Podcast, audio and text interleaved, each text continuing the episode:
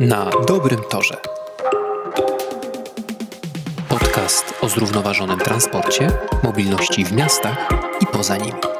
Piotr Franke, zapraszam. Czy autonomiczne minibusy, zabierające na pokład kilkanaście osób, mogą w przyszłości poprawić dostępność transportu publicznego? Jaką rolę mogą odegrać w zrównoważonym systemie transportowym? Czy jest to jedynie gadżet i ciekawostka, czy sposób na rozwiązanie niektórych problemów komunikacyjnych Polski? I czy do takich pojazdów uda się przekonać Polki i Polaków? W Europie wiele miast aktualnie przeprowadza pilotaże, testując tego typu autonomiczne pojazdy w rzeczywistych warunkach ruchu ulicznego. W Polsce póki co odbyły się pojedyncze jazdy testowe, ale już w tym roku możemy spodziewać się pierwszych pilotażowych wdrożeń. Nad polskim autonomicznym i elektrycznym minibusem pracuje firma z Gliwic. O szczegóły będę dopytywał mojego gościa, pana Mikołaja Kwiatkowskiego, menedżera do spraw rozwoju biznesu w firmie Bliss. Dzień dobry. Dzień dobry, witam. Panie Mikołaju, tak jak powiedziałem na wstępie, bardzo intryguje mnie pytanie, czy autonomiczne autobusy to jedynie gadżet i taka ciekawostka na tym etapie, czy jest to i może być to w nieodległej przyszłości rozwiązanie realnych problemów transportowych w Polsce? Nie ma co ukrywać, na dzień dzisiejszy to jest troszkę gadżet, który jest ciekawostką tak naprawdę i sposobem, którym możemy przyzwyczaić i przekonać ludzi do zmiany w transporcie publicznym w przyszłości. A jednak z naszej perspektywy, z mojej perspektywy, to tak naprawdę możliwość rozwiązania wielu problemów, które mamy w dniu dzisiejszym. Z jednej strony to brak kierowców zawodowych, których no, niestety niedobór wpływa na funkcjonowanie codzienne transportu publicznego. Z drugiej strony też pewna niedostępność transportu w miejscach, gdzie nie mieszczą się na przykład pełnowymiarowe pojazdy. I w to właśnie celujemy, żeby pojazdy autonomiczne, minibusy autonomiczne przestały być gadżetem czy marketingową ciekawostką, a stały się rozwiązaniem problemów. To powiedzmy może, jakie są modelowe, jakie Państwo widzą modelowe przykłady zastosowania takich pojazdów autonomicznych? Gdzie widzieliby Państwo sens wprowadzenia takich pojazdów? Na dzień dzisiejszy, głównie ze względów prawnych, są to tereny nieposiadające statusu drogi publicznej.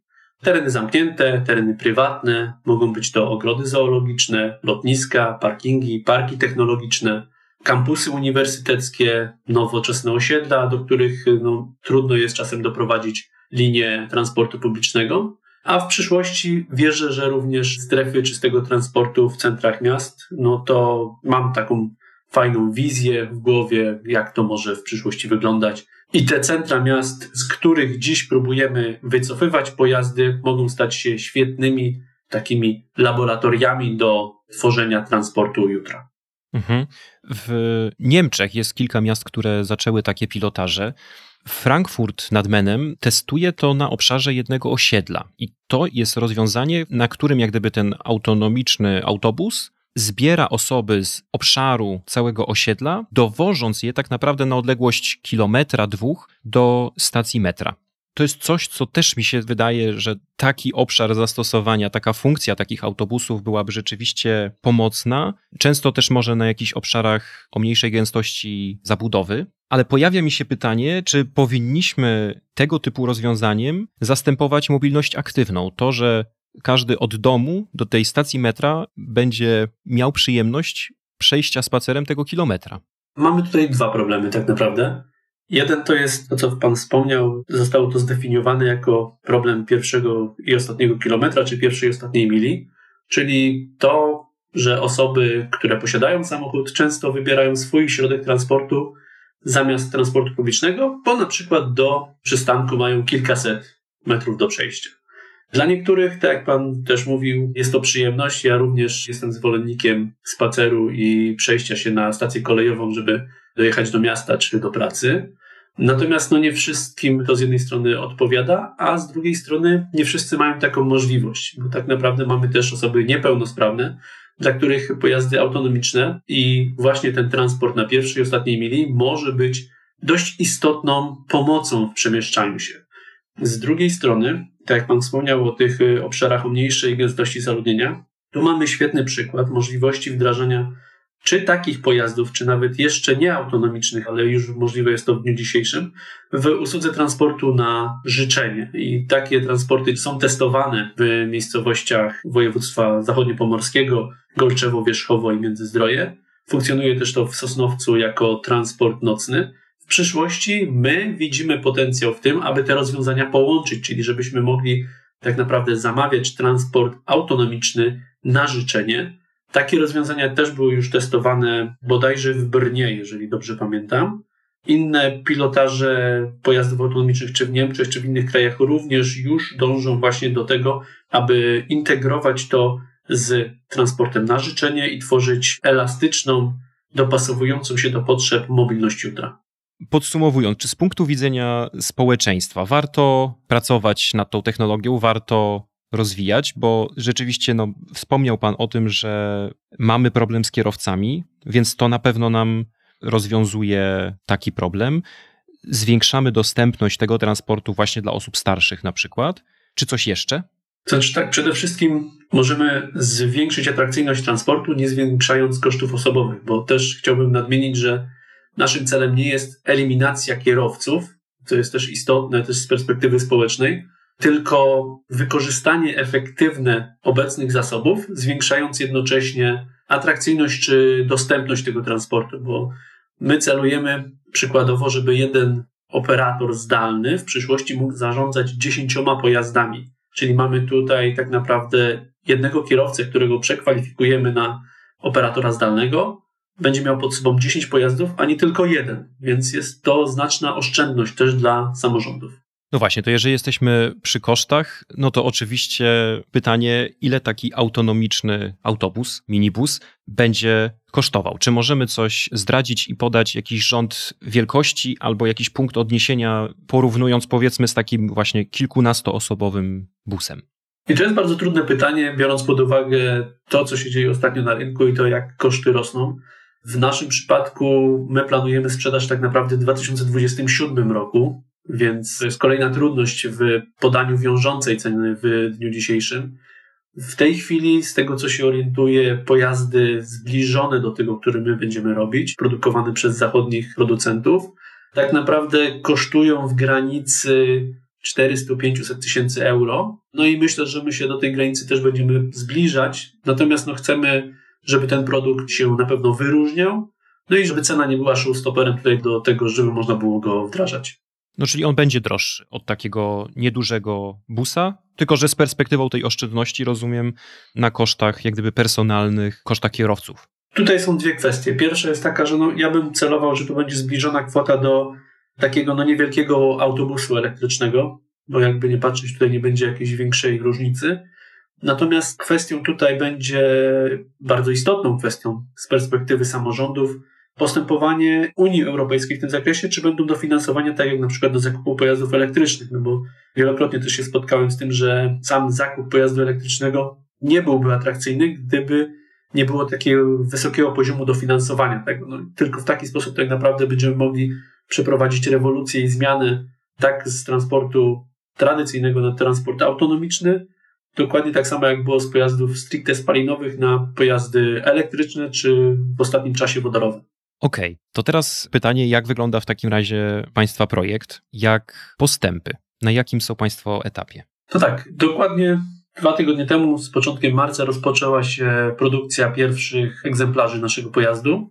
Pierwszy mamy mieć na przełomie kwietnia i maja, kolejny w czerwcu. Cały czas jesteśmy w trakcie testowania naszych systemów, bo trzeba tutaj nadmienić, że systemy powstają już od 2019 roku, kiedy to założona została firma Bliss. Pierwszy jakiś taki komercyjny sukces nawet też już mieliśmy, bo w zeszłym roku, dokładnie dwa dni przed wybuchem wojny na Ukrainie, na bazie platformy od firmy EasyMile testowaliśmy nasze oprogramowanie w prezentacji na rzecz Polskiego Związku Motorowego, gdzie na torze Słomczyn przewoziliśmy kilkadziesiąt osób, które miały ocenić, czy czują się bezpiecznie w takim pojeździe, czy byłyby zainteresowane korzystaniem z takich pojazdów w przyszłości. Było to bardzo fajne wydarzenie, na którym część osób miała też możliwość sterowania manualnego takim pojazdem, co też było nie lada gratką, bo no zwykle to się nie dzieje nie ma się takiej możliwości. Więc tutaj mamy też już pierwsze sukcesy. Przy pomocy kierownicy? Nie, joysticka. joysticka i właśnie w takim kierunku idziemy, że dla operatora lokalnego przy pierwszych wdrożeniach będzie dostępny joystick, którym w razie coś będzie mógł też przejąć sterowanie. Wracając jeszcze do pojazdu, no to nasz pojazd będzie miał 15 miejsc wewnątrz.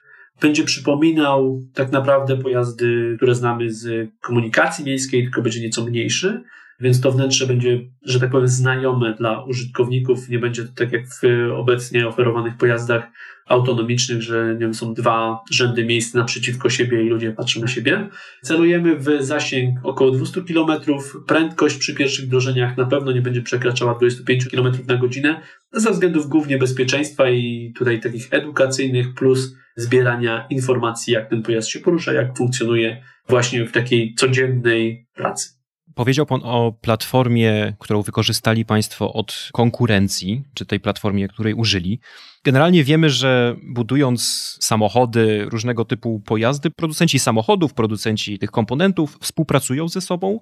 Producenci samochodów większość komponentów kupują u producentów tych części, a potem wszystko składają w całość. Co w Państwa minibusie autonomicznym jest Państwa produktem, Państwa wytworem, a co kupili Państwo z zewnątrz?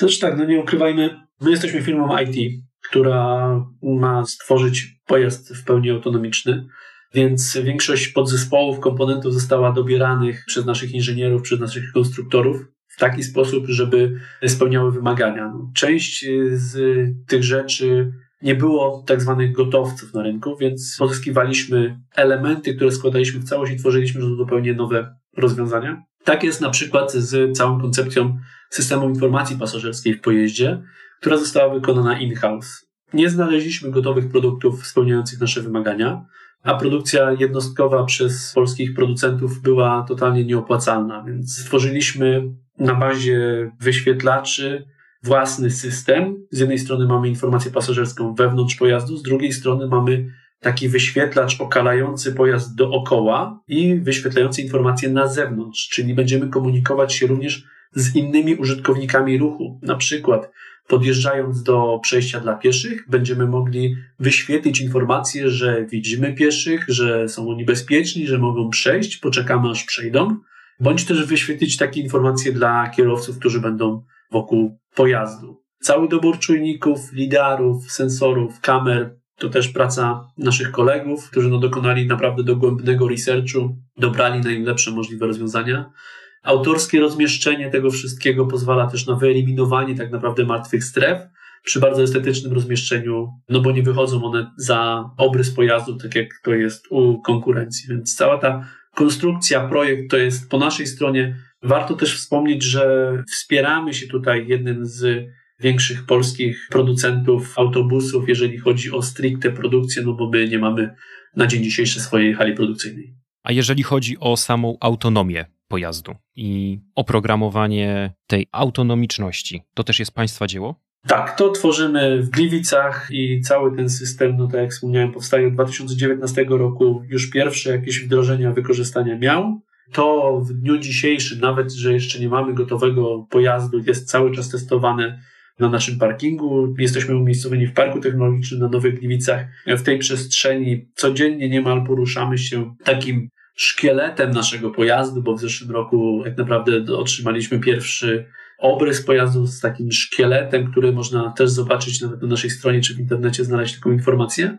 Jest to tak zwana deskorolka, w której już właśnie przeprowadzamy raz testy autonomii, dwa testy mechaniczne, testy obciążeniowe, i tak dalej, i tak dalej, które no przyspieszą nam wdrożenie pojazdu po tym czasie, kiedy otrzymamy rzeczywiście finalne samochody. Chwalą się Państwo także, że Państwa pojazd będzie posiadał czwarty poziom SAE.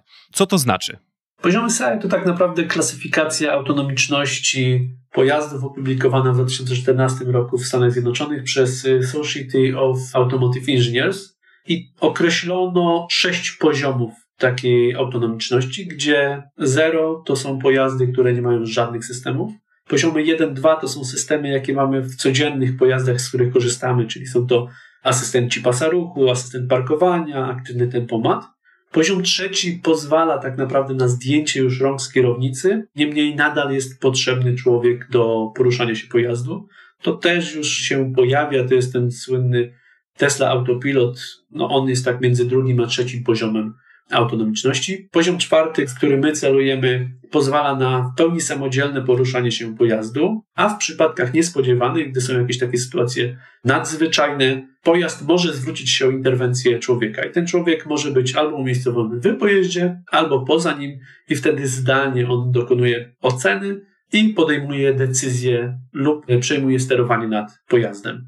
W poziomie piątym, natomiast ostatnim, mówimy już o pełnej samodzielności pojazdu, no ale na to jeszcze poczekamy. No jest naprawdę dużo wyzwań, żeby do tego poziomu dojść. Chciałbym zapytać też o kwestię bezpieczeństwa.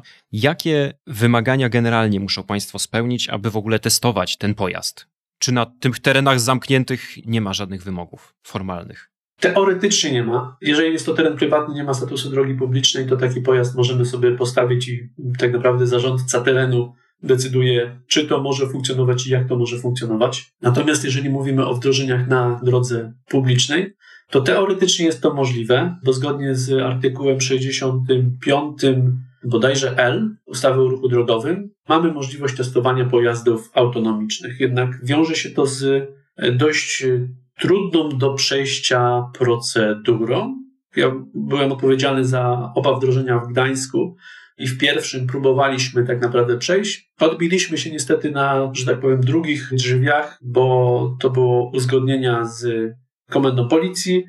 No i wtedy nam niestety uświadomiono, że policja nie ma przepisów, do których mogłaby referować w przypadku jakiegokolwiek zdarzenia drogowego z tym pojazdem.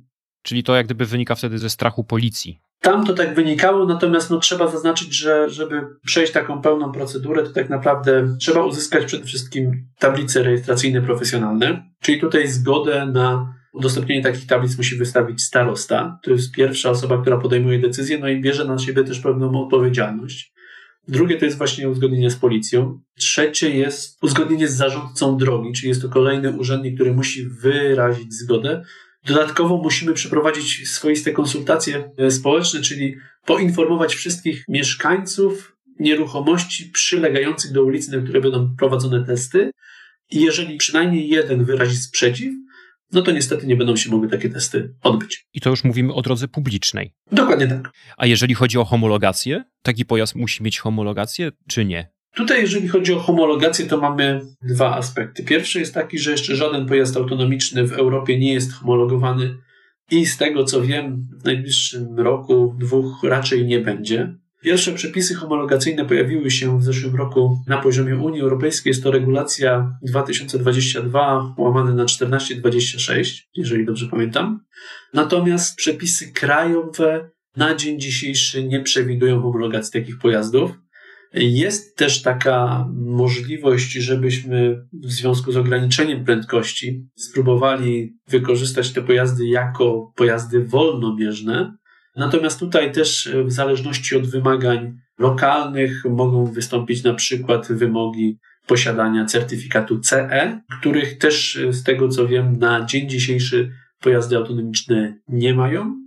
Natomiast no, my będziemy na pewno się starać taki certyfikat uzyskać, żebyśmy mogli w tym przyszłym roku dokonać takiego wdrożenia na, na drodze publicznej w Polsce. Jeżeli mielibyśmy teraz przekonać mieszkańców do tego, czy taka technologia w ogóle, czy te autonomiczne pojazdy są bezpieczne, znaczy w ogóle pojawia się pytanie, z jakimi zagrożeniami wiąże się wprowadzenie autonomicznych autobusów? Cóż, tak, na pewno sporym na dzień dzisiejszy zagrożeniem będzie wprowadzenie takich e, pojazdów bezpośrednio do ruchu ulicznego na głównych arteriach miast. Na ulicach, gdzie mamy ograniczenie do 50-70 km na godzinę, na pewno te pojazdy z ograniczoną prędkością do 25 km będą powodowały korki i będą wpływały na zmniejszenie akceptacji społecznej. Testowanie w obszarach zamkniętych, czy chociażby właśnie w takich e, strefach czystego transportu, które mogły być w centrach miast, na pewno wpłynęłyby na to pozytywnie. Przykład Gdańska, gdzie drugi pilotaż odbył się na cmentarzu, pokazuje, że nawet osoby starsze, osoby 65, plus, z chęcią korzystają z takiego pojazdu, bo mają potrzeby wsparcia swojej mobilności, mają pewne ograniczenia, nie mogą przejść długich dystansów, właśnie tutaj w tym przypadku na cmentarzu Łostowickim, gdzie ten cmentarz ma bodajże 60 hektarów, czyli jest naprawdę olbrzymi.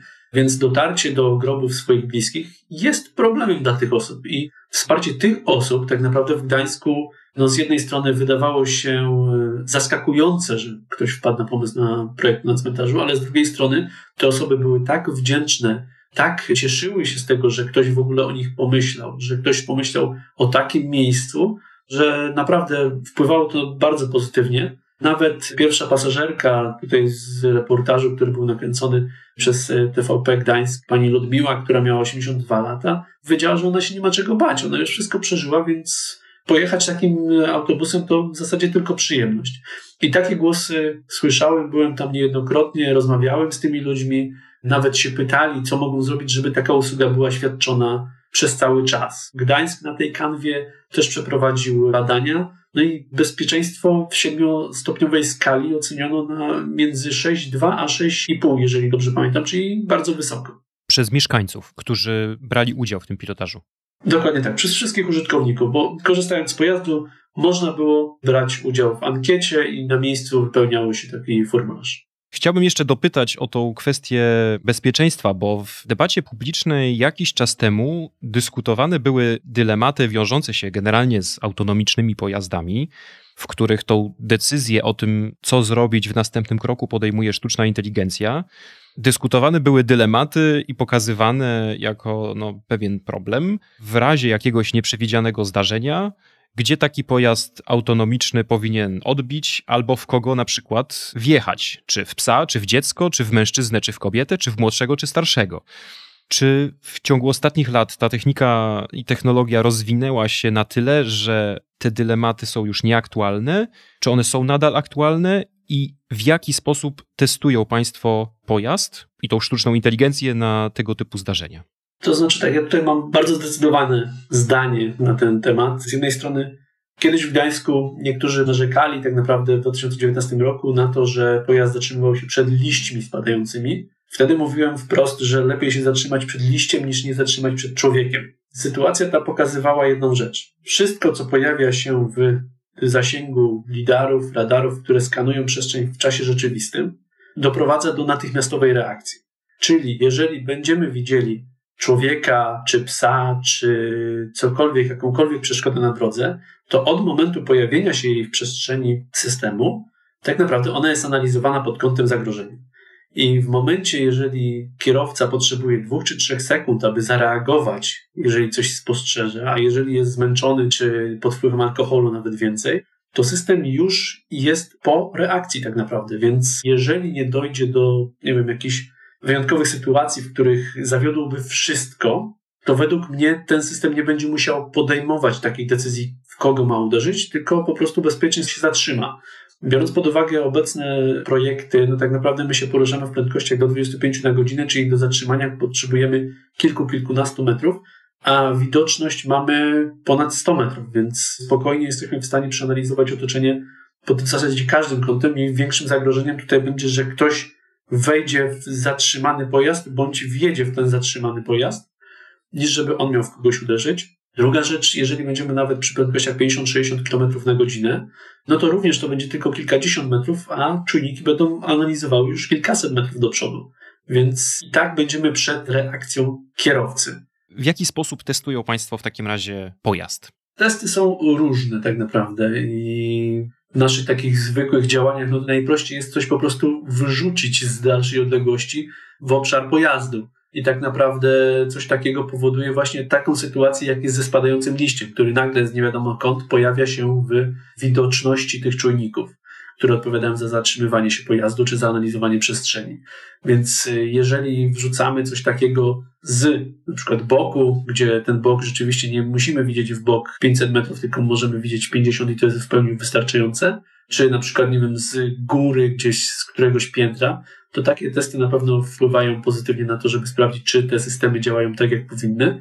Z drugiej strony też chciałem powiedzieć, że właśnie w pojeździe mamy coś takiego, jak to się nazywa hamulec ostatniej szansy, czyli przypadku, gdyby zawiodły inne systemy i czujniki, to mamy taki system hamowania awaryjnego, który jest niezależny od reszty systemu i w momencie, jeżeli coś się nieprzewidzianego dzieje, to on ma zatrzymać pojazd niezwłocznie. A jeśli chodzi o bezpieczeństwo pasażerów w środku, bo jednak ostre hamowanie, nawet przy 25 km na godzinę, też może być bolesne dla osób stojących. Oczywiście, że tak, jak najbardziej. Znaczy, jeżeli chodzi o e, fotele i o miejsca siedzące, to wszystkie są wyposażone w pasy. Natomiast te miejsca stojące, tak jak mówiłem, sam projekt wnętrza jest odmienny od podobnych pojazdów, raczej jest zbliżony do komunikacji miejskiej. No i tutaj celujemy w podobne zabezpieczenia. No w przypadku nagłego hamowania kierowcy, no oczywiście pasażerowie w pojeździe również mogą się niestety przewrócić. Więc tutaj no wszelkie barierki, wszelkie jakieś trzymaki, czy rzeczy, którymi można no, zabezpieczyć się w jakikolwiek sposób, no to, to będą oczywiście na pokładzie dostępne. To jeszcze przychodzi mi do głowy taka hipotetyczna sytuacja, że autobus napotyka na zatrzymany na ulicy pojazd który na przykład uległ awarii, blokuje pas ruchu, po którym powinien poruszać się autobus. Co w takiej sytuacji może się stać? Czy autobus podejmie sam decyzję o ominięciu takiego pojazdu, zjeżdżając na przeciwległy pas ruchu? Wytłumaczę może jeszcze, jak będzie działał nasz system i jak działają takie systemy pojazdów, które jeżdżą w Europie. Przede wszystkim przed uruchomieniem takiego pojazdu na trasie ma on wgraną zeskanowaną wysokiej jakości mapę 3D takiego obszaru, na którym się będzie poruszał. I poruszając się w każdej chwili, w każdej sekundzie, milisekundzie, skanuje tą przestrzeń na bieżąco. Czy w tej przestrzeni, w której on się porusza, którą zna, którą ma wgraną, pojawiają się jakieś przeszkody i właśnie dokonuje analizy, czy te przeszkody wpływają na jego ruch. W przypadku, gdy jakakolwiek przeszkoda, czy to będzie samochód zaparkowany, czy cokolwiek innego, zatrzyma się na trasie, no to pojazd dojedzie do tej przeszkody i dokona jednej z trzech rzeczy. W pierwszych wdrożeniach na pewno będziemy mieli lokalnego operatora na pokładzie, więc będzie on mógł zdecydować, czy pojazd ma minąć przeszkodę autonomicznie, czyli sam przeanalizować nową trasę przejazdu, objechać tą przeszkodę i kontynuować przejazd na swojej wcześniej zadanej trasie czy dokona on manualnego objechania tej przeszkody, no bo będziemy taką możliwość wykonać to za pomocą joysticka. W przyszłości, gdy nie będziemy mieli operatora lokalnego, takie zapytanie będzie szło do centrum zarządzania i operator zdalny będzie mógł albo podjąć decyzję o objeździe i zadać takie zadanie pojazdowi, żeby wykonał w trybie autonomicznym, albo przyjąć sterowanie, albo na przykład wytyczyć mu nową trasę, gdy pojawi się jakiś większy korek i pojazd nie będzie mógł kontynuować przejazdu, nawet omijając tą pierwszą przeszkodę. Czy potrzebowaliby Państwo teraz, na tym etapie już, jakichś zmian prawnych, które by ułatwiły Państwu prowadzenie testów i pierwszych wdrożeń? Przede wszystkim, gdyby pojawiła się jakaś szybka ścieżka do przeprowadzenia takich testów, to byłoby coś, co by mogło nam znacznie ułatwić pracę. Przykładowo, uzgodnienia takich testów mogłyby odbywać się z miastem, z zarządcą drogi i ewentualnie pozyskanie ubezpieczenia takiego wydarzenia, ale nie w rozumieniu ubezpieczenia OC, no bo tutaj, żeby spełnić wymagania w uzyskaniu ubezpieczenia OC, no to byśmy musieli przejść przegląd, a te pojazdy niestety nie, nie spełniają wymagań, jakie ma ustawa o ruchu drogowym w zakresie pojazdów mechanicznych, którymi się poruszamy na co dzień, więc to by na pewno ułatwiło. Z tego co wiem, też skierowano do prac legislacyjnych jakieś pierwsze sugestie zmian prawa, które miałyby ułatwić e, testowanie pojazdów autonomicznych. Natomiast raz, nie znam szczegółów, dwa, nie wiem, czy zostaną w tym roku przyjęte, mimo że jestem optymistą, no to tutaj niestety wątpię, żeby to się udało. Także jeżeli byłaby jakaś szybka ścieżka, czy jakiś urząd, który byłby w stanie koordynować takie testy i on wydawać pozwolenia na przeprowadzanie takich testów, to by na pewno pomogło. Czy orientuje się Pan, czy na świecie są prowadzone prace nad autonomicznymi autobusami, jeżeli chodzi o większe prędkości i większe pojazdy, czy to są generalnie tylko i wyłącznie nieduże minibusy?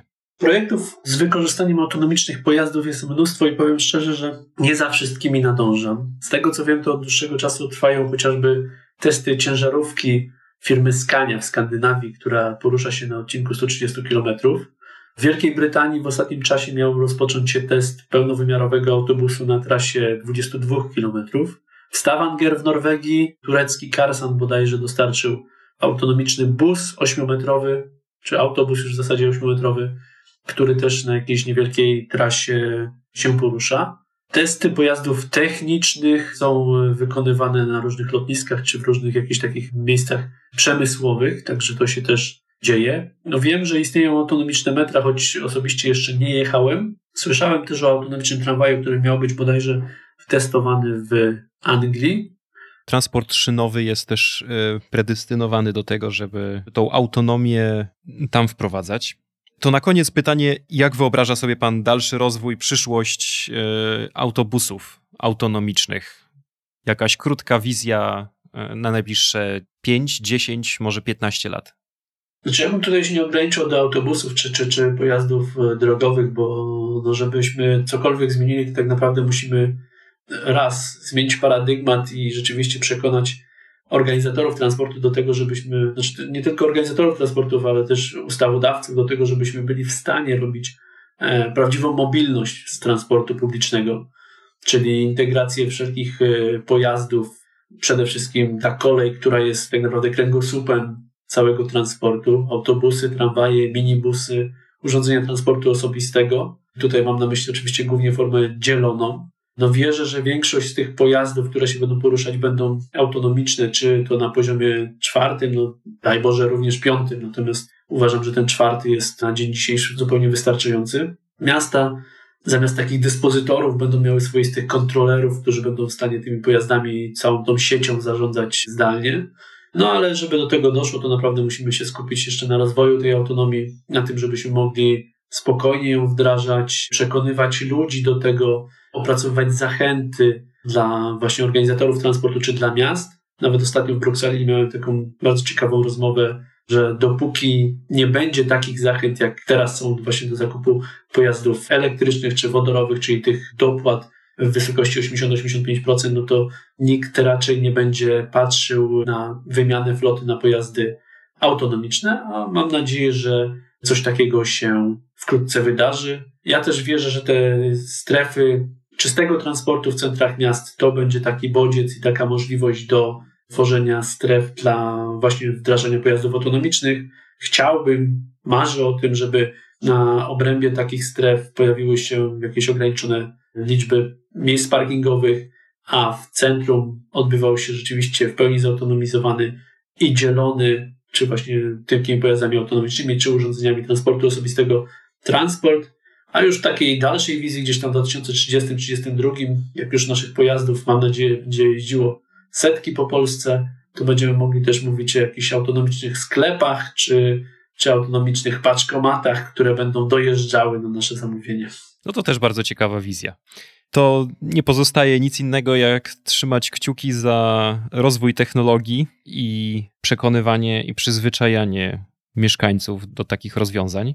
No i oczywiście zachęcanie do transportu publicznego. Bardzo serdecznie dziękuję za, za tą rozmowę. Moim gościem był pan Mikołaj Kwiatkowski, menedżer do spraw rozwoju biznesu w firmie Bliss. Dziękuję bardzo i do zobaczenia w pociągach, na spotkaniach branżowych. Pozdrawiam serdecznie. A ja na koniec zachęcam do subskrybowania i obserwowania kanału na dobrym torze, bo do tematu transportu publicznego i jego przyszłości będziemy na pewno wracać.